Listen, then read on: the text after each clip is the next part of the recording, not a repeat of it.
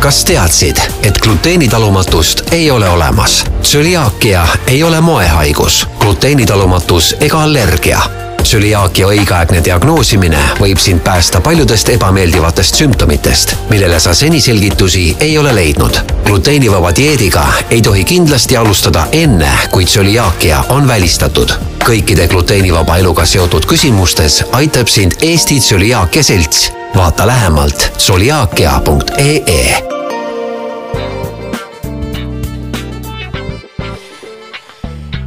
tere, minu nimi on Kristiina Heinmets ja te kuulete ajakirja Eesti Naine podcasti Iga naine on lugu. täna on stuudios naine, kellest kindlasti kuulajad teavad väga vähe tema päris minast. ta on teadlane, ta on teadur, ta on kolme lapse ema. avalikkuse ees on ta täna tuntud poliitikuna, erakonna Eesti kakssada juhina. tere tulemast, Kristina Kallas! tere tulemast! Tänane hommik, ma pean kõigile sissejuhatuseks ütlema, algas meil täiesti vasaku jalaga, ükski süsteem ei töötanud, arvuti ei läinud tööle, nii et me oleme tänaseks veetnud umbes pool tundi stuudios, aitäh sulle, Kristiina, et sa oled olnud nii kannatlik, et me saaks kogu oma süsteemid nagu toimima ja nüüd me lõpuks siis suudame alustada selle intervjuuga. me hommikul suutsime ka põgusalt selle poole tunni jooksul rääkida ka erinevatest teemadest ja sa ütlesid väga tähtsad sõnad, et Eesti ühiskond on naiste suhtes mitteõiglane. Äh, jah äh see on mu tunnetus juba pikka aega olnud ja eks see tunnetus tuleb selle pealt, kui sa võrdled äh, seda, kuidas ähm, ühiskond ja inimesed suhtuvad äh, naistesse, nende võimekusse, kui palju nad neid, neid usaldavad äh, ühiskondlikes positsioonides, kui palju nad neid usaldavad emadena või noh, kõikides nendes rollides, mida naine tegelikult ju täidab, siis noh, minu, minu tunnetus on küll olnud see, et et usaldus äh, naise vastu Eestis ei ole võrdväärne sellega, kus ta on nagu paljudes teistes ühiskondades, kus ma ka elanud olen. ja kus ma seda näinud olen, et millegipärast naist ei usaldata, ei usaldata juhina, ei usaldata äh, nii-öelda aktivistina, ei usaldata tihti muuseas ka ikkagi, ma olen seda ka teaduses näinud, et professuurides on meil valdavalt ikkagi mehed, et ei usaldata ka võib-olla lapsevanemana ja emana, et ähm, et sellist noh, et sa, et, et, et ei saa ju hakkama, et, et ikkagi mees on parem iga töö peale, et seda ma olen ikkagi tunnetanud sa räägid praegu oma tunnetusest mm -hmm. ehk mhm. oma realistlikust tunnetusest, aga kui me vaatame avalikkuse ette, siis me oleme kõige edumeelsemad, me justkui oleme väga naiste õiguste eest väljas ja me justkui on Eesti ühiskonnas kõik kõige paremas korras, meil oli ju nais, naispeaminister on meil praegu, meil oli ju naispresident, et noh, avalikkuse ette tundub Eesti kui naisi toetav parim riik Euroopas no me oleme väga tublid alati olnud ühiskonnana selles, et me suudame me suudame nii-öelda väljapoole väga tugevasti pingutada, et eks on natuke Eesti kultuuriruumi osa see, et äh, ikkagi loeb ju see, mida naaber mu murust arvab ja mida naaber mu aia, aia äh, nii-öelda kulunud või mitte kulunud värvist arvab. Ja, ja see on meid alati ühiskonnana edasi viinud, see nii-öelda see vajadus väljapoole olla tugev, aga me ei julge kunagi sissepoole selles mõttes oma äh, oma nõrkadest kohtadest rääkida, et me nagu matame selle vaiba all, vaiba all ära ja teeme kogu aeg seda nii-öelda tugevat nägu, et noh, kõik peavad hakkama saama, mitte keegi ei tohi ju ometigi mitte kunagi mingil hetkel nõrk olla või ei tohi tegelikult paluda kellegi abi ja üldse see nii-öelda ühiskondlik selline solidaarsus äh, abi palumisel kuidagi nagu meie ühiskonnas on nõrkuse näitaja ja, ja kuna naised oma olemuselt on need, kes toetuvad väga suures osas sotsiaalsele võrgustikule või noh, sellele nii-öelda tugivõrgustikule, mis neil on, siis selle tugivõrgustiku peale toetust peetakse nõrkuseks, et noh, igaüks peab ikka üksi püsti seisma, ise, üksi, ainult üksi ja kui üksi püsti ei seisa, siis järelikult nagu oled nõrk et ma ei tea, kas see on nagu ühiskonna äh, küpsuse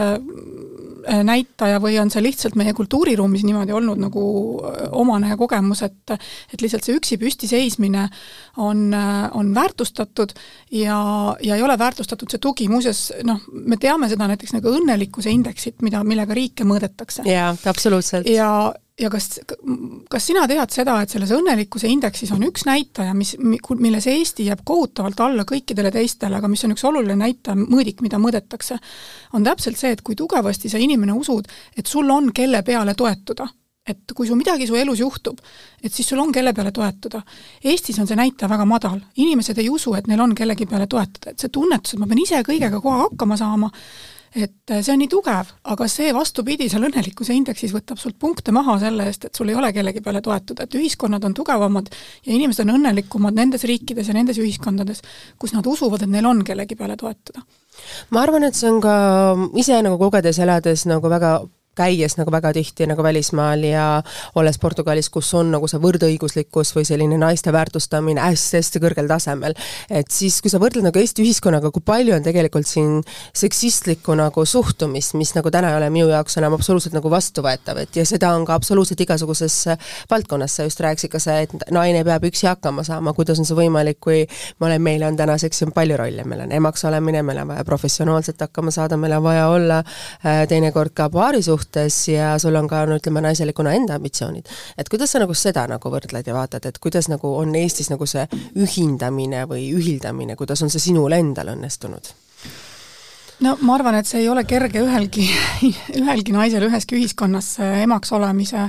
karjääri ja ühiskondliku aktiivsuse ühildamine, et eh, sellepärast, et äh, ma arvan, et ajaloos ei ole olnud sellist perioodi, kus äh, kus oleks nii palju rolle korraga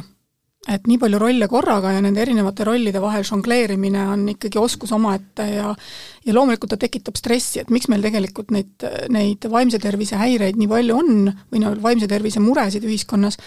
on minu arust ikkagi see, et ühiskonnas inimeste sotsiaalsed rollid on nii mitmekesistunud, et inimene ei taju enam ära, mis tema nii-öelda see põhiroll või mis see tuumikroll ta on, tal on, eks ole, et mis, mis, mis rolli ta ühiskonnas täna tegelikult täitma peab, mis seda elurada on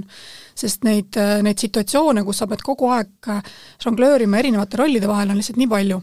Ja see juba noorest peast tekib ja see ei ole, ma arvan, naistele, ainult naistele omane, et see on, see on täna ka meeste puhul sellepärast et ka meeste puhul on tekkinud ikkagi ootus ju sellele, et nad ei ole ainult äh, leiva kojutoojad, vaid neilt oodatakse ka, äh, oodatakse head väljanägemist, äh, seda, et nad peavad iseenda, oma keha ja oma välimusega tegelema, mis ei ole tegelikult ajaloos olnud traditsiooniline, okei okay,, ütleme nii, et on olnud ajaloos ka seda, neid perioode, aga periooditi. ja periooditi on olnud, aga aga mitte lähiajaloos. Neilt oodatakse tegelikult ka laste kasvatamisel täna panustamist ja seda, et isa on ikkagi kodus ja isa osaleb täpselt samamoodi õhtusöögi valmistamisel, et ähm, et neid, see, see stress, mis tekib sellest mitmete rollide täitmisest, on, ma arvan, nagu väga suur, ma ei tea, kuhu see viib. et kas me jõuame mingis etapis ühiskonnas jälle sinna, et me need rollid, me neid rolle vähendame ja me saame aru, et, et noh, sa peadki keskenduma mingile ühele konkreetsele elu, elukäigu rollile, mida sa võtad, et kui sa võtad endale rolliks ikkagi mm, olla kolme lapse ema, noh, siis sa pead seda rolli täitma, mitte nii, et sa samal ajal žonglöörid siis äh, seitsme muu erineva, eva, erineva rolliga. ma ei tea, see on, aga see on raske sa rääkisid ilusasti, et sina oled ju kolme lapse ema ja sina oled pidanud elus žongleerima nende seitsme erineva rolli vahel, et kuidas on see sinul õnnestunud, et kui sa nüüd vaatad tagasi, sul on juba täna lapsed suuremad, et ähm, kindlasti sa oled analüüsinud, et kuidas sul õnnestus hästi või halvasti, mis olid need tõusud ja mõõnad sul endal naisena tagasi vaadates? Äh, nad ei olegi mul need lapsed väga suured, et nad on äh, neliteist, kaksteist ja kümme. et ähm, see kümneaastane käib alles neljandas klassis, et ta on ikkagi päris pisike ähm, Äh, mul on, mul on selles mõttes olnud kindlasti lihtsam selle tõttu, et äh, mu elukaaslane, laste isa ja minu, minu abikaasa selles mõttes on olnud ikkagi, meil on jaotatud väga võrdselt see, kes lastega tegeleb, et ei ole päris seda, seda arvamust, et nüüd ema peab kindlasti alati õhtusöögi lauale tooma ja, ja ema peab tegelema nagu lastega. kooli, kooli asjadega tegelemine langeb paratamatult lihtsalt rohkem minu peale, kuna seal on noh, keelebarjäär isal, et ta ei saa neid kõigis nendes momentides nagu aidata aga see võrdsem jaotamine, äh, nii-öelda laste, laste kasvatamise eest vastutuse võrdsem, ajaliselt võrdsem jaotamine on see, mis on mind kindlasti tugevasti nagu aidanud. et ma ei pea, noh, ma olen, mul on olnud aega ja võimalust ennast äh, realiseerida ka väljaspool kodu. see on ju hästi oluline, et sa räägid, et võrdne jagamine, see peab tulema orgaaniliselt, seda ei saa ju tehislikult teha, sest noh, täna on ei. ju hästi palju sellist äh, tehislikku laste pooleks saagimist ju, eriti läbi kohtusüsteemi. jah, ei, seda ei saa tehislikult teha, selles mõttes, et see on partnerite omavahelise koostöö äh, nii-öelda noh, see, kuida-, kas see koostöö laabub või ta ei laabu, eks ole, noh et, et nii nagu igasuguse koostööga, et äh, et kui ta ei laabu, siis seda sinna nii-öelda tehislikult, kunstlikult sinna seda peale ehitada on nagu väga keeruline, et lõpuks tavaliselt lapsed selles nagu kannatavad ja kannatavad ka partnerid. nii et, aga ma tahtsin lihtsalt öelda seda, et na-, ma ise tabasin ennast sellest situatsioonist, et et naine, naisega on minu arust selline lugu, et kui naine juba lapsed sünnitab, siis ta tegelikult tunneb sada protsenti vastutust ka nende üleskasvatamise eest, sest selle otsuse neid sünnitada olen teinud mina. absoluutselt. on ju? et seda otsust ei ole keegi teine teinud, selle otsuse olen teinud mina ja mina olen nad sünnitanud. see on ka seda, minu keha. ja, ja see, ja see, ja see vastutus langeb tavaliselt minule, noh, tõenäoliselt on seal ka mingi bioloogiline selgitus taga, miks on nii-öelda naine, naise nii-öelda vaimne seos lastega niimoodi üles ehitatud, et naine lihtsalt tunneb sada protsenti vastutust selle eest, et need lapsed üles kasvatada. nüüd selle, selle vastutuse jagamine naise enda poolt, et see naine ise laseks lahti seda vastutust ja, ja oleks valmis seda vastutust andma sellele partnerile, äh, mina olen selle, seda pidanud endas kasvatama ehk siis, et see kontrolli käest ära andmine selleks, et ma ei kontrolli iga kord, et mida sa tal neile süüa andsid ja, ja mis kell sa nad magama panid ja ja kas sa ikka tegid nendega seda, teist ja kolmandat, et et mul, see oli minu nii-öelda lapsevanemana kasvamise protsess, kus ma ütlesin, et aga mul ei ole õigust tegelikult seda kontrollida, ma pean usaldama oma partnerit äh, ja tal on õigus vastutada ainuisikuliselt ka lapsevanemaks olemise eest. et ma olen väga, väga palju ka kõrvalt näinud neid situatsioone, kus naised ei lase lahti ei lase seda kontrolli lahti. ja noh, mees mingil hetkel lihtsalt taandub siis sel juhul, sellepärast et noh, ta lihtsalt tunneb, et ta on nii-öelda abitööline, mitte, mitte see, kes täis, täisjõuga vastutab tegelikult laste kasvatamise eest et see on ka oma partneri usaldus ja tunnetus ja teadmine, et kas ta on selleks võimeline või ta ei ole ka selleks võimeline. et ma arvan, lapsed on ka võib-olla need kohad, mis ei ole sellised katsejäneseks olemise teemad, kas nüüd ise saab hakkama või ei saa, et seda on ka Eesti ühiskonnas hästi palju no ma ütlen, et kui sa ei, kui sa ei lase tal vastutada, siis ta ei hakkagi kunagi vastutama, et, et ma arvan, et see minu, minu kogemus on vähemalt olnud selline, et, et tuleb lasta vastutada me rääkisime ka siin äh, saate alguses laste koolis käimisest ja asjadest, et sul käivad lapsed ise koolis. kuidas nad oma õppimistega hakkama saavad, sa just ütlesid seda, et äh, sul on nii palju muid asju, sa pead keskenduma muudele asjadele, kuidas nagu see asi jagamine on ja see usaldus, et sa tead, et su lapsel on need asjad homseks tehtud? no siin on jälle erinevad. see, et sa usaldad lapsi, lapsed on muidugi väga erinevad mõni saab minu, super hästi hakkama, mõni ei saa. just, just, et minu kolm last on ka selles nagu väga erinevad, et ähm, ma alguses kippusin ka, ma arvan, liiga üle kontrollima ja liiga palju ise juhtima nende koolis käimise ja õppimise protsessi ja mingil hetkel,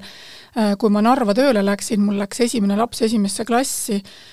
oli küll keeruline, sellepärast et äh, noh, tema jaoks esimene klass, minu jaoks esimene laps esimesse klassi ja ma olin samal ajal nädal aega tegelikult äh, kodust eemal ja läksin esmaspäeval ja saabusin, eks ole, neljapäeval.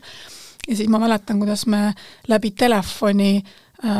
tegime kodutöid, on ju, sellepärast et äh, noh, isa kodus eesti keeles aidata ei saanud ja siis me õppisime Eesti hümni vabariigi aastapäevaks läbi telefoni, et tema, tema kordas ja siis palusin veel kord korrata ja kuulasin. et eks ta on olnud keeruline, aga ma olen, ma olen ikka seal ka püüdnud ennast tagasi hoida sellega, et ma ei juhi et ma ei saa nende õppimist juhtida, nad peavad ise oma õppimist juhtima. sa pead oskama seda vastutust neile üle anda ja, ja neile ise juhtima, et et tänase haridussüsteemi, ma arvan, üks tugevusi kindlasti võrreldes võib-olla isegi selle ajaga, kui mina koolis käisin, oli see, et et eesmärk on ju lastest teha ise juht, nii-öelda ennast õppida, enda õppimist juhtivad inimesed. et nad ise suudavad oma õppimisprotsessi juhtida, ise vastutavad, et et minu jaoks on see oluline ja, ja ma olen lihtsalt teadlikult endas kasvatanud seda, et kuule, Kristina, astu nüüd eemale, et sa ei pea seda kontrollima, sa ei pea seda juhtima, et nad peavad ise vastutama nende asjade eest. Sa oled ka selles mõttes äh, võtnud ka ise teistmoodi vastutuse, et olles teadur ja nüüd tulles poliitikasse, see oli kindlasti mõnes mõttes äh, kirves pea kohale kohe avalikult ja otse, et teie ju esimene kampaania oli ka sellist äh,, kuidas öelda, šokk, šokki tekitav äh, siin Tallinna kesklinnas, et see ju selles mõttes päädis nime tuntuks saamisega, aga sellel oli ka väga palju negatiivsust äh,. Jaa äh,, rääkides äh, poliitikasse tulemisest, siis äh, noh, kuidagi see juhtus tegelikult minu arust minu elus küll mingis mõttes kogemata, see ei olnud niimoodi planeeritud, see, ma ei ole kunagi mõelnud selle peale, et minust peaks poliitik saama, aga juba kaks tuhat seitseteist, kaks tuhat kaheksateist oli minul tekkimas ikkagi hirm. ja mul on see hirm aina süvenenud täna. see hirm selle eest, et see hirm, see hirm selle eest, et äh, Eesti on võtmas kurssi ja liikumas, äh, liikumas kursil, äh, mis ei ole äh, mis ei ole minu visioon sellest, milline Eesti tulevik peaks välja nägema. ja ja mind see hirmutab, mind hirmutab tänane olukord veel isegi rohkem, aga ma juba kaks tuhat kaheksateist nägin, tundsin seda, et, et see asi ei ole õigel kursil. Inimeste rahulolematus on väga suur, nii-öelda pikad, vanalt pikalt võimul olnud erakonnad tegelikult ei suuda kuidagi olukorda juhtida, nad ei suuda tajuda seda rahulolematust, nad ei suuda äh, inimesi inimestes usaldust kasvatada enda suhtes ja siis on see kõrvalt, eks ole, see EKRE tõus, mis, äh, mis mind paneb väga-väga sügavalt muretsema äh, Eesti tuleviku mõttes ja see mind sinna poliitikasse niimoodi juhuse, juhuse kokkulangevusega tõi. ja noh, praegu ma olen poliitikas väga teadlikult selleks, et äh, ma, ma, see hirm mind tagant kannustab, äh, see hirm, et ma oma lastele ei taha üle anda äh, sellist Eestit, kus, ähm, kus iga inimene ei olegi oluline. et on olulised vaid osad inimesed, kus, ähm, kus, kus juhid ähm, Äh, räuskavad, kus, kus nii-öelda elementaarne viisakus ja see, millest me sinuga tegelikult alguses rääkisime, teistega arvestamine, see selline, kus teistega arvestamist peetakse nõrkuseks yeah kus teistega arvestamist peetakse nõrkuseks, et noh, oma viga, et hakkama ei saa, tõuse nüüd püsti ja saa hakkama ja kui hakkama ei saa, siis, siis on see sinu probleem. et ähm, ühiskond peab olema orgaaniline, ta peab olema, toetuma erinevatele detailidele, asjadele, need on võrdsed. et me ei saa täna ju öelda seda, et see, et sa oled miljonär, ole, sinu töö on kuidagi nagu ühiskonda rohkem väärtustatud ja rohkem nagu vajalik kui näiteks arsti oma, kes saavad täna meil ju tegelikult väga vähe. või hooldaja. no või täpselt hooldaja. hooldab, eks ole, sellesama miljonäri võib-olla ema, eks ole. absoluutselt, täpselt, et mm -hmm. see on ka see üks reegel, millega mina olen alati oma lapsi kasvatanud, et olenemata, mis ta oma elus teed, tee seda hästi ja oska väärtustada ka teisi inimesi enda ümber, olenemata, mis tööd nad teevad, see on nende töö, see on nende sissetulek. jaa, aga Eesti on nii väike, et äh, meie, me saame nii-öelda õnnelike inimestega riigiks, mis on ju meie eesmärk, eks ole, meie eesmärk on see, et iga eestlane tunneks ennast turvaliselt, õnnelikult kaitstuna ja, ja et tal oleks ka heaolu majanduslikult garanteeritud, aga kõige olulisem on see, et ta tunneks kaitstuna ennast ja turvaliselt, see toob selle õnnetunde mm. -hmm. ja, ja, ja see, mida täna EKRE viljeleb, see poliitiline stiil, äh, see visioon tuleviku Eestist, kus on olemas õiglased, õig-, õigemad eestlased ja vähem õigemad eestlased, kus on olemas tugeva jõud, tugeva jõud on see, mis tegelikult on oluline, äh, kui sul jõudu ei ole ja kui sa jõudu ei näita, siis sa oled nõrk, noh, see ei tee meid õnnelikumaks, see ei tee meid ühiskonnas tasakaalustatumaks, turvalisemaks ja see ei tee meid ka rikkamaks, see teeb meid vaesemaks, ka materiaalselt teeb see meid vaesemaks et äh, ja see mind hirmutab ja see on see, mida ma tahan iga hinna eest ära hoida, sest ma tahan turvalist, kaitstud, äh, õnnelike inimestega äh, Eestit. ma arvan, ka see on võib-olla mõnes mõttes mitteküpse ühiskonna teema, et hoitakse tugevama poole, et ellu jääda mm. -hmm. jah, tõenäoliselt nii on, täitsa nõus. et, et tugevus on nagu sellise äh, noh, ellujäämisinstinkti kõige, kõige esi, esimene reaktsioon, eks ole, et sa pead nagu jõudu näitama, sellepärast et sa pead sellest äh, väga ebastabiilsest olukorrast nagu välja suruma ja Eesti tõenäoliselt on veel noh, selles faasis, kus olukord ei ole ju äh, kindel, et kui me vaatame Rootsi ühiskonda, kes on olnud kakssada aastat demokraatlikus stabiilses äh, nii-öelda arengufaasis, kus tal oma territooriumil praktiliselt sõdu pidanud ei ole, siis noh, nemad on väga kindlad selles, et nendega nüüd midagi sellist küll juhtuda ei saa, et, et kõik see kokku kukub Eesti ühiskonnal seda kindlustunnet ei ole. et äh, kindlustunne selles, või tunne, et siit võib sõda üle käia, siin võib kõik veel kokku kukkuda, kõik, mis me oleme nii-öelda suutnud ehitada kolmekümne aasta jooksul, võib veel kõik ära kaduda ja kokku variseda, see tunne on ju olemas. ja, ja see ebakindluse tunne tekitab sellist tugevama jõu eelistamist, noh, Venemaa on põhimõtteliselt täpselt sarnane sellele ja, ja väga paljud teised Kesk-Ida-Euroopa riigid, kelle see riiklik iseseisvus ja, ja majandussüsteem on veel jätkuvalt väga habras ja, ja noh, Eesti kipub sinna praegu jälle uuesti selle ebakindluse situatsioonis vajuma sellise tugeva jõu eelistamise juurde, aga see on ohtlik tee, see ei ole tegelikult see tee, mis viib meid selle heaolu Edasi. ja turvalisuse juurde. et heaolu ja turvalisuse juurde viib ikkagi see avatuse ja ja sellise inimesse, inimese, kõikide inimeste võrdselt väärtust, väärtustamine ja iga inimese potentsiaali nii-öelda arvestamine, ähm, see on see, mis, mis viib meid nii-öelda tugevama ja jõukama ühiskonna suunas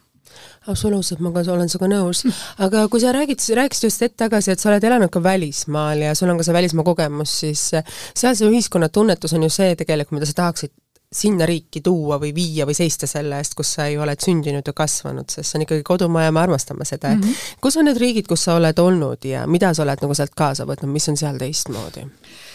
No ma olen elanud ka sellistes riikides, kust ma olen näinud, et Eestis on asjad päris hästi mis riik see oli siis, et millega võrreldes siis, kus sa tunnetasid seda? no ma olen elanud Vietnamis, ma olen elanud Ukrainas, ma olen elanud Poolas, Ungaris Saksamaal, et ma olen nagu nendes riikides elanud, ma arvan, et kõige selline kontrastsem kogemus muuseas, kui rääkida emadusest, oli mul Vietnamiga, Vietnamis elades. Ma olen sellest vist oma selles raamatus ka kirjutanud, et Vietnamis oli täpselt see kultuur laste kasvatamise puhul, et ema või siis isa, aga noh, valdavalt ikka ema, ei olnud kunagi lapsega üksi. Et äh, last kasvatas alati korraga või lapsega tegeles korraga mitu inimest, et kunagi ei olnud seda eeldust, et äh, isa läheb hommikul tööle ja ema on kaheksa tundi lapsega üksi. see oli nende jaoks mõeldamatu, et äh, lihtsalt see on nii suur vaimne koorem naisele, et et seda ei ole võimalik üksinda teha ja, ja alati oli keegi peres juures, kes oli seal ema juures ma mäletan oma reaktsiooni, kui ma nägin tänaval selliseid noori poisse kõndimas, jalutamas väikeste lastega, veetmas vank-, käru, kärusid ja vankreid ei ole, need lapsed süles tavaliselt. ma kogu aeg mõtlesin, et issand, kui palju noori, mingeid kuueteistaastasi isasid. aga siis selgus, et tegemist ei ole üldse nende laste isadega, vaid tegemist on sugulastega, kes on siis maalt nii-öelda linna sellesse peresse nii-öelda kohale aetud,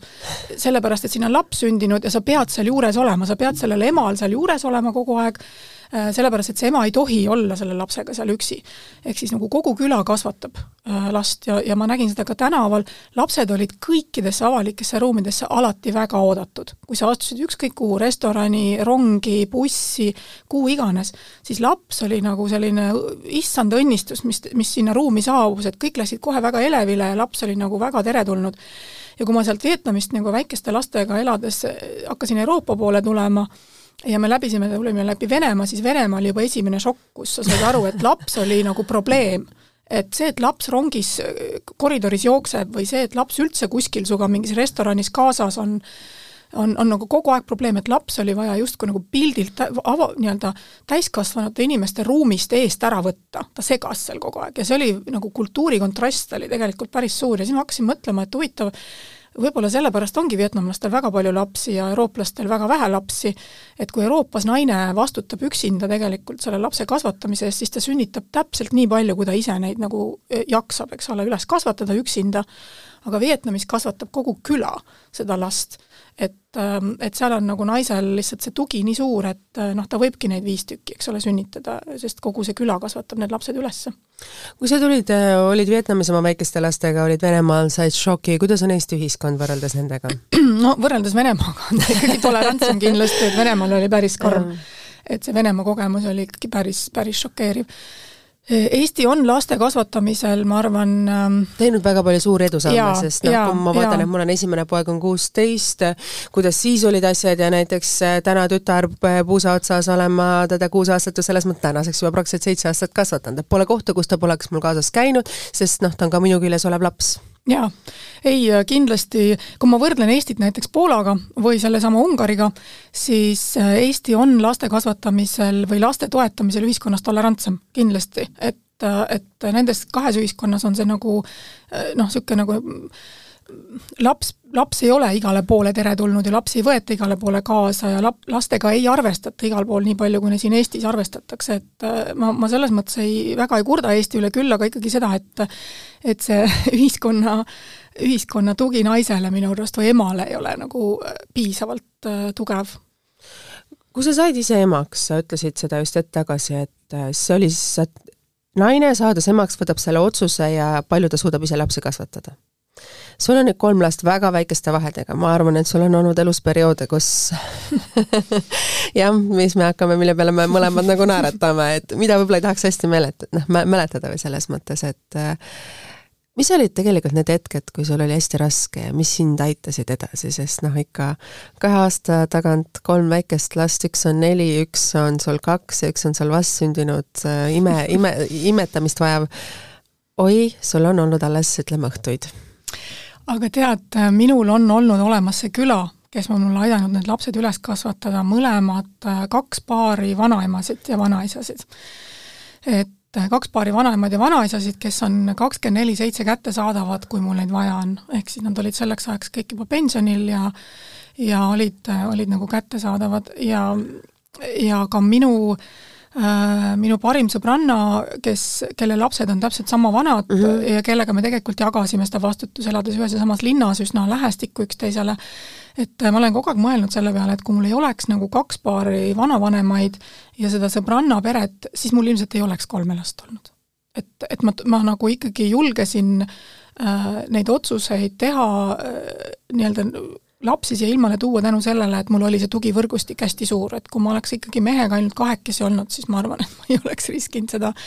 seda võtta, sest see tõesti nagu kolm last kaheaastaste vahedega on nagu väga väsitav, et ma mäletan küll kolmanda lapsega mingeid perioode, kus ma ilmselt olin väsimusest ikkagi täiesti no, nii kurnatud, nii nõrkemas, et et ähm, kui kõige väiksem laps oli vist ta sündis mais ja see oli detsembris, noh, nii et ta võis olla seal kuskil kaheksakuune, eks ole. et ma olin siis nagu väsimusest nii nõrkemas, et äh, magamatusest ja kurnatusest, et äh, ma mäletan, et ma ütlesin emale, palusin oma ema, et äh, et palun äh, tule minuga näda-, nädalaks ajaks sanatooriumisse, et ma lihtsalt sõitsin ära kodust ja ja võtsin muidugi kõige väiksema kaasa, sellepärast et ta oli mul rinnalaps, aga aga see, see neli päeva Narva-Jõesuu sanatooriumis oli juba tegelikult ähm, äh, kergendav, et noh, ma lihtsalt mäletan seda nii ehedalt, puhtalt ilmselt selle tõttu, et see kontrast selle mäsimuse ja selle puhkuse vahel oli nii suur toona, et ma puhkasin tõsiselt, päriselt välja, ma sain oma massaažid ja ujumised ja magamised ja raamatu lugemised seal sanatooriumis ära teha, mida ma ei ole saanud, mida ma selleks ajaks ei olnud saanud teha, eks ole, aastaid ja aastaid oota, kui huvitavalt sa praegu räägid, et sa läksid üksi oma väikese rinnalapsega ja emaga neljaks ja. päevaks ära ja see oli sinu jaoks suurim puhkus? jah, just. oli, oli, sest ma sain teha asju iseendale sain iseendale aega võtta. aga sul oli ikkagi laps ka kaasas selles mõttes, et sa ei läinud päris üksinda? ei läinud, no sellepärast ta oli rinnalaps ja, ja sellepärast ma ema kaasa võtsin, muidu ma oleks lihtsalt täitsa üksi läinud. Et tegelikult ongi ju see, seesama asi, et eh, kuidas me naistena olema har-, harjume mingil hetkel endast nii palju andma, et kui sul on ainult sellest kolmandik alles, siis see on sinu jaoks juba suur puhkus. Jah, selleks, sellel hetkel oli see küll nii, jah kui sa, kui sa olid nagu ema just äh,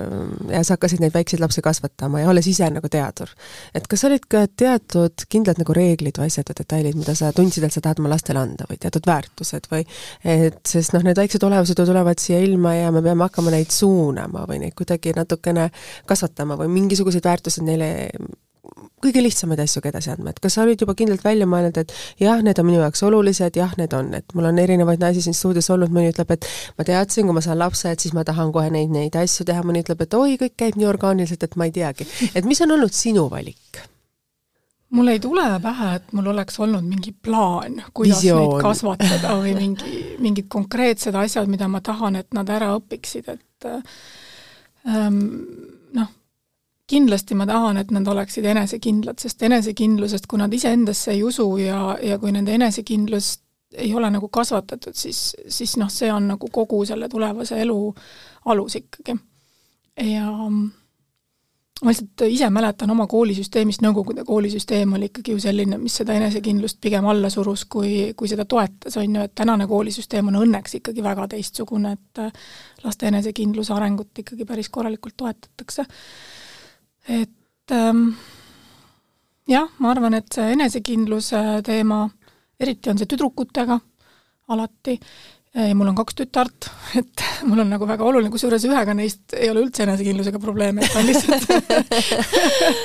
ta on nagu iseloomult juba väga enesekindel. aga võib-olla siis ka ikkagi see, see inimestega suhtlemise ja teistega arvestamise, empaatilise, empaatilise sellise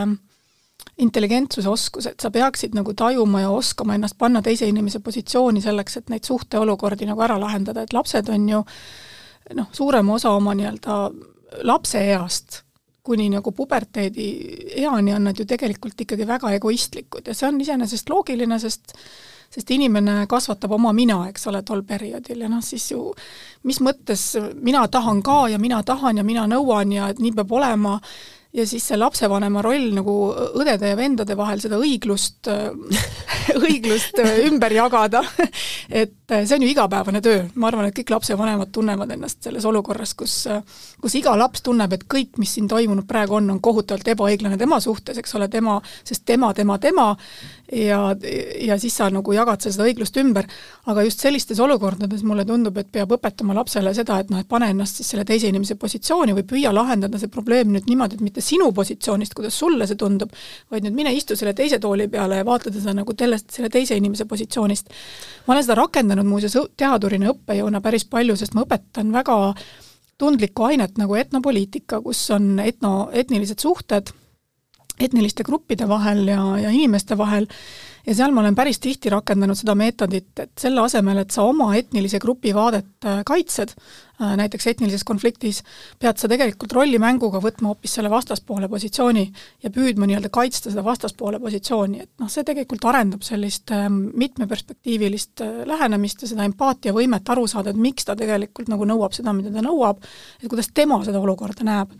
et ähm, ma arvan, et see on oluline oskus ähm, elus, et sa suudad ennast panna teise inimese olukorda. See on tegelikult äh, asi, millest ähm, väga paljudel täiskasvanutel puudust on, et äh, me ju kasvasime ühiskonnas, kus ei olnud oluline ja oskus näha suurt pilti või oskus panna endast äh, väga erinevatesse situatsioonides ise ehk leida see lahendus, mitte siis oma sellist jõuga kirves ja, käes, vaid oskus nagu lahendada asju selleks, et sinu ümber oleks nagu selles mõttes hea ja turvaline mm -hmm. keskkond ka iseenda ja nende inimeste jaoks, kes on sinu ümber. just, ja see on see, mida ma näiteks Põhjamaade poliitilises kultuuris väga hindan ja mida ma väga tahaksin, et Eestis oleks, on see kompromisside ehitamise protsess, et ähm, mitte see, et tugevam võidab, et noh, Eesti poliitiline kultuur on selles mõttes maskuliinne mitte sellepärast, et seal on väga palju mehi, see ka, aga sellepärast, et ta on oma kultuurilt maskuliinne, ehk siis võitja võtab kõik et noh, et, et ma pean iga hinna eest võitma ja see minu võit tähendab seda, et ma raiun vastastel pead maha äh,. Skandinaavialik nii-öelda feminiimsem poliitiline kultuur tähendab seda, et kuidas me saavutame siin selle win-win olukorra. niimoodi, et mina võidan, aga midagi võidad sellest olukorrast nagu sina ka ja see nii-öelda win-win olukordade otsimine tähendab Skandinaavias seda, et mõnikord on aastaid selline poliitilise kompromissi otsimine mingis ühes teemas, aga siis lõpuks lepitakse kokku et noh, mina saan selle, sina saad selle ja meil on see ühiskondlik konsensus selles saavutatud ja siis me läheme nii-öelda selle otsusega nüüd edasi. Äh, Eestis seda ei ole, Eestis on alati see, et hästi kiiresti, kohe mõõgaga vastasele pea maha, mina võitsin, jalg pea peale ja nüüd ma ütlen, et nüüd ma lähen teen selle otsuse ära. mis siis, et sellest otsusest võidab ainult äh, võib-olla viiendik Eesti ühiskonnast ja, ja neli viiendikku kaotab. Äh, ja noh, neid näiteid on olnud hästi palju, kus on selliseid otsuseid vastu võetud, kus võitjate osakaal on väga väike. aga seda nii-öelda triumfaalselt näidatakse kui Eesti ühiskonna võitu, tegelikult võidab väga väike osa ühiskonnast ja kaotab väga suur osa ühiskonnast. tehakse väga paljudele haiget mingite otsustega või neilt võetakse väga palju ära. et äh, seda poliitilist kultuuri tahaks Eestis ikkagi muuta, et et me võiksime nagu liikuda selliste, selliste lahenduste poole, kus, kus eesmärk on lahendada ära probleem niimoodi, et sellest kaotaks võimalikult väike osa ühiskonnast. kaotajaid on alati, mitte kunagi ei ole võimalik teha sellist lahendust, kus kõik võidavad. aga noh, eesmärk peaks olema see, et neid, kes kaotavad, on hästi vähe, võimalikult vähe sa räägid selliseid asju, et äh, mul tekib küsimus, kuidas sind kasvatati, sest äh, arvestades, et me oleme ühevanuses, siis äh, äh, on sul olnud väga targad vanemad mis on su ema-isa sulle kaasa andnud, et äh, sa täna julged nendel teemadel rääkida, sest kuidagi Eesti ühiskonna peale, ka mina olen, et, et Eesti ühiskond on väga maskuliinne, aga selle peale paljud minuga endal väga su-, super head sõbrannad, kes on naisjuhid, ütlevad, ei ole, meil on kõik hästi ju. et et ähm, su vanemad on sulle väga palju kaasa andnud. Ähm, tead, ähm, mina naisena või juhina ei ole enda peal ka kunagi kogenud seda, et Eesti, et mind keegi diskrimineeriks selle eest, et ma olen naine, nii et kui keegi küsiks mu käest, kas Eestis diskrimineeritakse naisjuhte, siis ma oma kogemuse pealt öeldes ütlen, et ei diskrimineerita. ma olen sinuga absoluutselt aga, nõus, aga üldine aga, foon on aga teine. üldine foon ja üldine foon tähendab minu jaoks sellist äh, ühiskonna kultuuriruumi, eks ole, seda, kuidas yeah. me, mida me väärtustame ja kuidas me, kuidas me tegutseme. intelligentsust ehk ühiskonna küpset intelligentsust just. seda tegutsemisviisi, meie ühiskonna tegutsemisviisi ja meie ühiskonna tegutsemisviis on ikkagi selline noh, noh, ma ei taha nimetada maskuliinne, aga no okei okay,, parema sõna puudumisel nimetame seda maskuliinseks, ehk siis et jõu, jõupositsioonilt, ehk siis kõik asjad tehakse jõupositsioonilt ära naise viis asju lahendada ei ole jõupositsioonilt. naise viis asju lahendada on selline, et ta püüab kõigiga läbi rääkida ja leida selle lahenduse, et mitte keegi tegelikult nüüd lõplikult siit haigelt saades minema ei kõnni, on ju. et muidugi ma ütlen, et ideaalis ei ole võimalik niimoodi, et keegi haiget ei saa. aga minu oma kogemus näitab ka juhina seda, et et kui ma püüan võtta aega selleks, et mingi otsuse tegemisel inimestega läbi rääkida ja leida mingigi kompromiss nendega, kellega ma tegelikult selles otsuses ühel meelel ei ole, siis need, kes seda otsust mult ootavad, äh, ütlevad, et ma raiskan aega. ma raiskan aega, ma peaksin jõuga peale minema ja jõuga selle otsuse ära tegema. et ja, ja ma ei ole kindel, et see alati tegelikult parim lahendus on, sellepärast et selle tulemus on see, et haiget saanuid ja valusasti haigeid saanud on liiga palju nii et noh, ma ei tea, kas see on mul vanematelt tulnud, aga aga noh, tõenäoliselt on väga suure panuse siia andnud minu äh, noh, sotsiaalteadlase karjäär, ma olen ikkagi, mind on õpitud ja mind on koolit-, õpetatud ja koolitatud äh, suurt ühiskondlikku pilti nägema ja neid suurt ühiskonnas toimuvaid protsesse analüüsima ja, ja neid uurima, nii et noh, ma arvan, et võib-olla sealt on isegi see palju suurem pagas taga. mis on need väärtused, mida su ema sulle kaasa andis? Mis on need sõnad mm, -hmm. mida sa mäletad nagu lapsepõlvest, et äh, nagu sa ütlesid, et võib-olla sind vanemad nii palju ei kasvatanud, vaid noh, sinu hilisem haridus ja asjad, aga ikkagi, et sa sinna jõuaksid, on ikkagi see lapsepõlv ju, mis meid mingil ja. hetkel ju defineerib see, kelleks me saame ma arvan, et see, et empaatiavõime või nii-öelda see oskus ennast panna teise inimese positsiooni, seda ma kindlasti sain kodust. et, et see on kindlasti mul kodust tulnud ja nii ema kui isa on tegelikult seda meis kasvatanud vennaga, et ähm, et et ma, me kasvasime ju üheksakümnendatel, mis oli väga konfliktne periood ühiskonnas ja ja kodus ikka neid äh, ühiskondlikke konflikte ju arutati. Mm, -hmm. kuigi mu ema-isa on täiesti tavalised inimesed, selline täiesti tavaline noh, isegi mitte kõrgema keskklassi, tavaline keskklassi äh, pere olnud, noh, mul on üldiselt olnud väga rahulik ja õnnelik ja stabiilne lapsepõlv, et äh, aga, aga see üheksakümnendad olid väga sellised rajud, rajud, raju periood ja, ja, ja neid ühiskondlikke konflikte kodus ikkagi arutasime ja, ja, ja ikkagi alati mul ema kindlasti, isa ka tegelikult ütles, et okei okay,, et noh, sa võtad siin varateismelisena väga selgeid positsioone kellegi poolt või vastu, aga vaata nüüd, eks ole, tegelikult nende positsioon on selline ja selline, et et nad alati püüdsid tuua selle vastaspositsiooni sinna, sinna lauda ja noh, mingis mõttes võib-olla olud sundisid mind ka seda olukorda äh, mõlema poole pealt vaatama, sest ma kasvasin kakskeelses äh, mitmerahvuselises peres. aegadel, kus etnilised konfliktid olid täiesti tavaline igapäevane asi Eesti ühiskonnas, mitte ainult poliitiliselt, vaid ka tegelikult minu väikeses Kiviõli linnas tänaval võis vabalt peksa saada selle eest, et sa olid eestlane venelaste käest Ehm, ja, ja siis, et tegid venelaste vastu ja, sama. ja, ja siis, ja siis minu peres oli ju noh, mul pere sees, aga ka isa ja ema sõprade hulgas oli ju mõlemat poolt, eks ole, oli neid venelasi ja oli neid eestlasi. ja ma õppisin kuulama mõlemat, ma õppisin selles mõttes, ma ju kuulsin mõlemat ja ma õppisin kuulama mõlemat, mitte et ma nüüd neid kiidaksin heaks ühe või teise poole käitumist, aga ma lihtsalt omandasin selle oskuse, et ahah, okei okay,, et eestlaste positsioon on selline, aga näed, venelased siin räägivad seda, aga miks nad niimoodi räägivad, aga miks neil selline positsioon on, aga kust nad üldse seda võtavad, et ma olen muidugi loomult olnud lapsepõlvest peale väga uudishimulik, et see miks küsimuse küsimise küsimine on mulle väga palju Nõukogude haridussüsteemis probleeme tekitanud, sest seal ei tohtinud kunagi miks'i väga küsida, et esimeses klassis ma sain käitumise mitterahuldava esimesel semestril selle, sellepärast et õpetaja ütles, et ma, ma segan tundi oma küsimustega. Et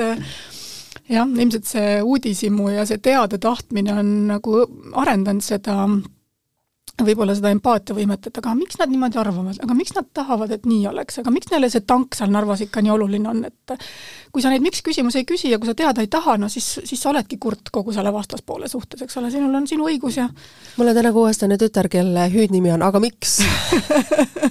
see on väga hea omadus muuseas. ma ei hakka seda laiendama, miks, sest ütleme niimoodi, et kui me oleme tihtipeale päeva läbi koos, et siis ta on, kas ta läheb trennidesse, ta tihti ka haige, siis ongi see hommikul kell kaheksa, aga miks, kuni õhtu kella kümneni, aga miks? aga minu arust on see väga hea iseloomuomadus, mida tuleb toetada selleks, et ta küsiks neid küsimusi, sest kriitiline mõtlemine on see,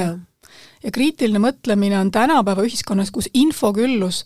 tuleb uksest aknast sisse, kui kriitilise mõtlemise oskust ei ole, siis selles ühiskonnas tegelikult on väga raske hakkama saada. kas sina oled seda kriitilise mõtlemise oskust oma lastes nagu arendanud või püüdnud ka neid suunata sinna, et nagu sa ütlesid ka, et sina said selle empaatiavõime koju, kodust kaasa, sa oled ka öelnud, et ka sinu jaoks on see nagu oluline asi, mida sa tahaksid oma lastele mm -hmm. anda, et kas sul on ka kindlad reeglid või asjad, millega sa nagu seda nagu teed või suunad seda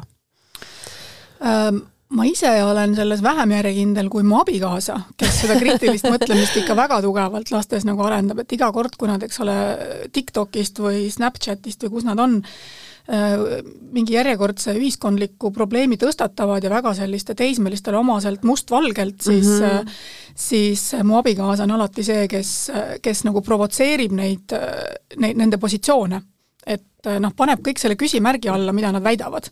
et nad peavad siis nagu kaitsma seda, et miks nad niimoodi väidavad ja noh, siis neil tekib küll see mõtlema, et okei okay,, aga mille alusel ma seda üldse väidan, eks ole see on laste kasvatamine kakskümmend neli seitse, et ja. ei ole detaili, millel sa tähelepanu ei pööra, kui nad on osa sinuga. just sa rääkisid nii ägedalt oma lapsepõlvest, et sa kasvasid üles Kiviõlis ja sa ütlesid teismeead, et sa ütlesid, et sul oli ka see konflikt selles mõttes, et sa kakskeelsest perest ja sa pead nagu hakkama saama selle kahe erineva poolega ja mis on need detailid, mida sa ise märestad, et kui sa mäletad, et sa lõid prauhti selle ukse nüüd kinni, kuna sa leidsid, et sinu mustvalge maailmale tehti vi viga? Oli neid hetki või milles need olid nagu sinu enda dilemmad või asjad, et ma mäletan seda, et noh, mina tegin lihtsalt trenni, mul polnud aega teismeline olla, sest ei olnud aega, et väljas käia või mõelda neid detaile käisin ka trennis, ma käisin, ma mängisin käsipalli noorena väga palju, lõpetasin ju tegelikult alles ülikooli lõpus äh, käsipalli mängimise ja ma käisin väga, selles mõttes oli käsipalliga keeruline, Kiviõlis lõppes käsipall ära siis, kui ma olin kuuendas klassis ja siis ma hakkasin sõitma rongiga tegelikult Jõhvi.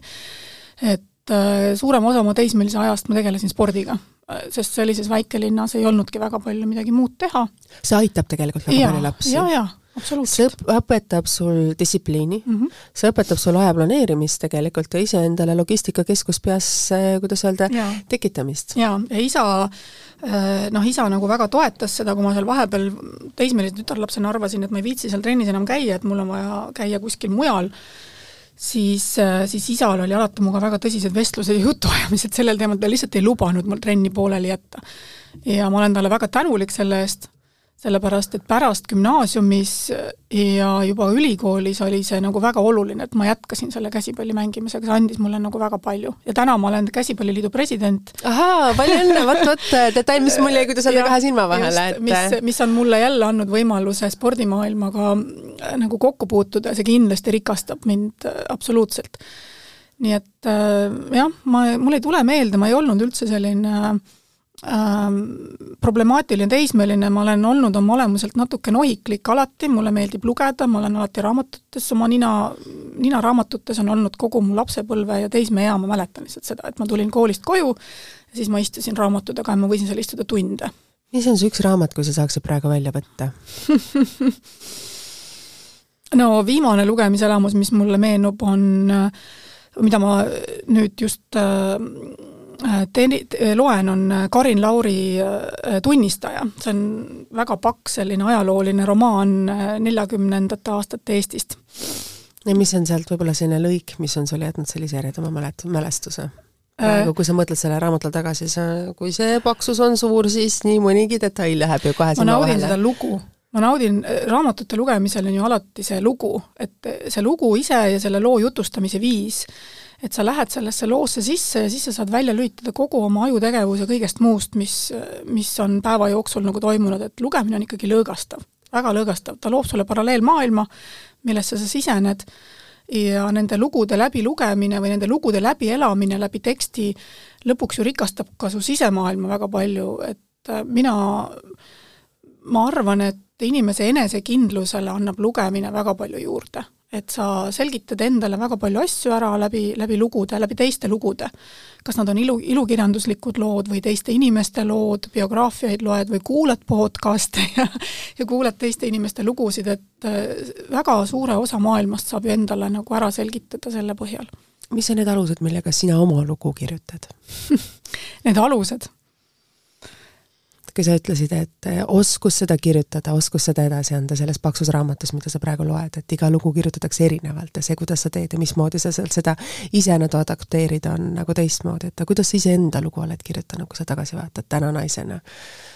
Neid on, detaile on palju olnud, neid Ameerika mägesid on palju olnud, neid pisaraid täna praegu siin stuudios natuke silmis ma näen, sest me oleme rääkinud lapsepõlvest ja lastest. sest emadena on teatud hetki, mida me jätame oma südamesse, aga mida me edasi võib-olla ei taha nii detailselt enam anda, aga see on osa meie elust, sellepärast ma küsin, mis on olnud need sinu loo kirjutamise alused?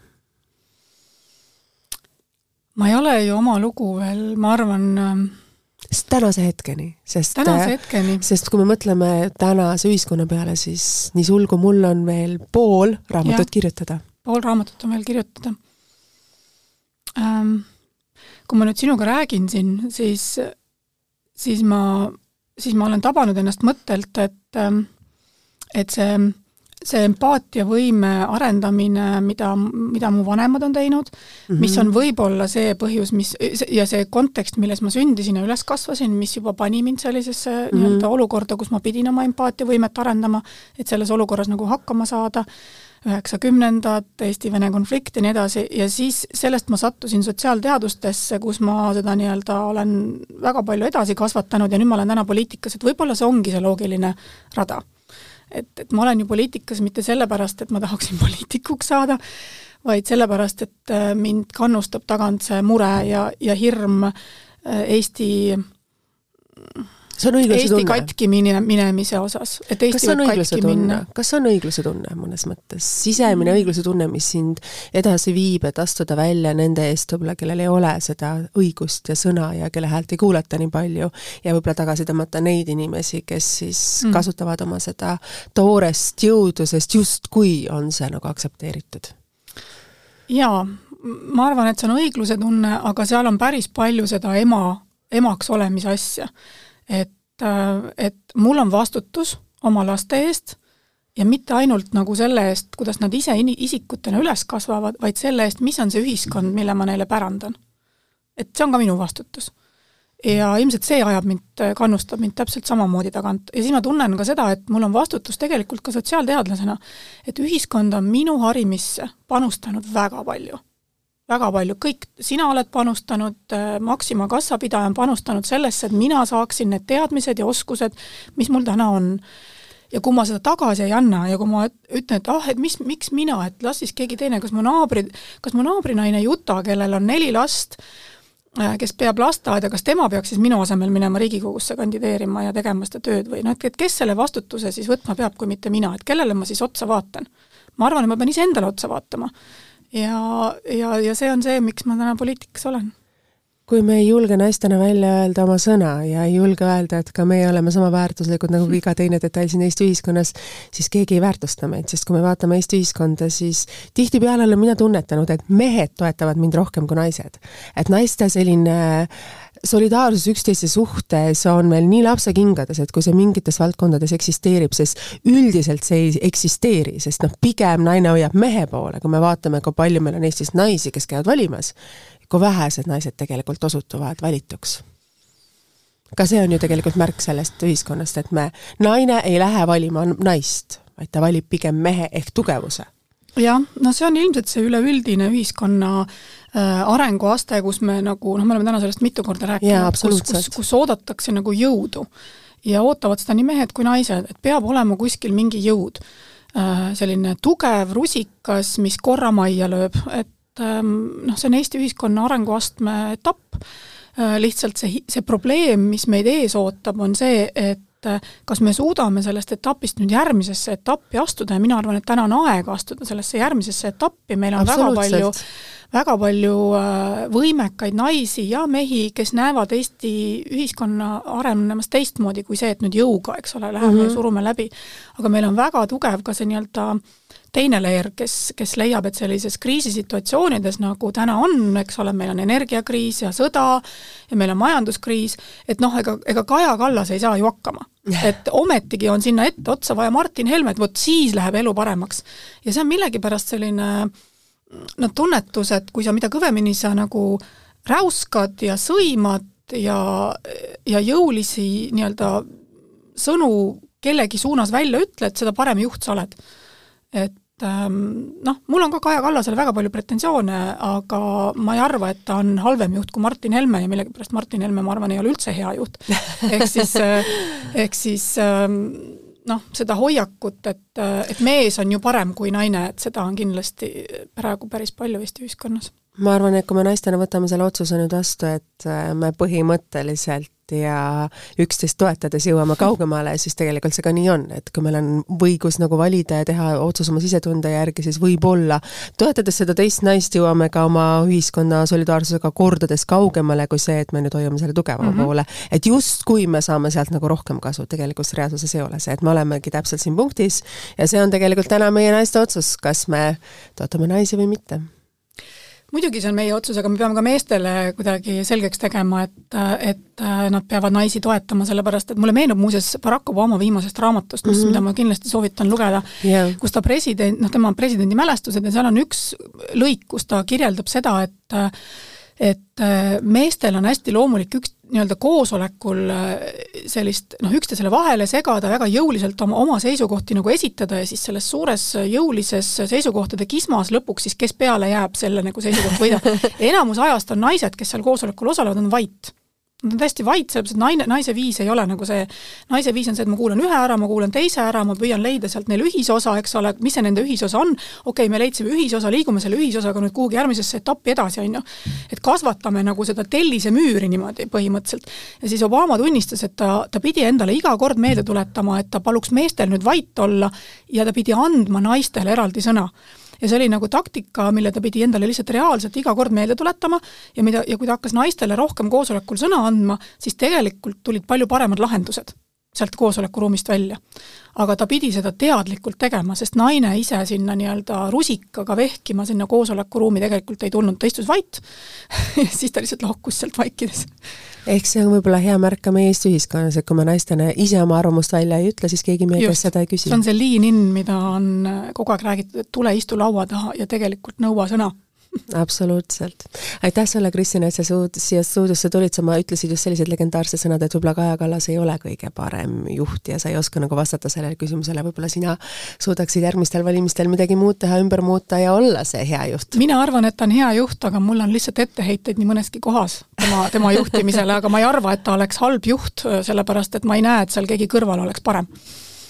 aitäh sulle nende sõnade eest, aitäh see, et sa siin stuudios natukenegi olid nõus poetama, kuidas öelda, sellist ust oma päris sisemaailma ja oma emaks olemisse ja nendele väärtustele, mis on sinu jaoks päris olulised, millest tihtipeale ei küsita küsimusi ja mille kohta ei soovita teada. aga aitäh, et sa kutsusid aitäh, et sa tulid saatesse. aitäh teile, kallid kuulajad, saade on eetris meil taas nädala pärast uue külalisega ja natukene moekamatel teemadel, sest siis on meil käimas Eesti moenädal, Eesti mood on hea ja Eesti mood on super ja alati tuleb toetada üksteist. saade on ikka saadaval ja kuulataval Spotify's, tasku Delfiga keskkonnas ja SoundCloudis ja veel ka erinevates portaalides, nagu ma olen tänaseks aru saanud, kõiki ma siin nimetama ei hakka. kohtume teiega nädala pärast, kõike head!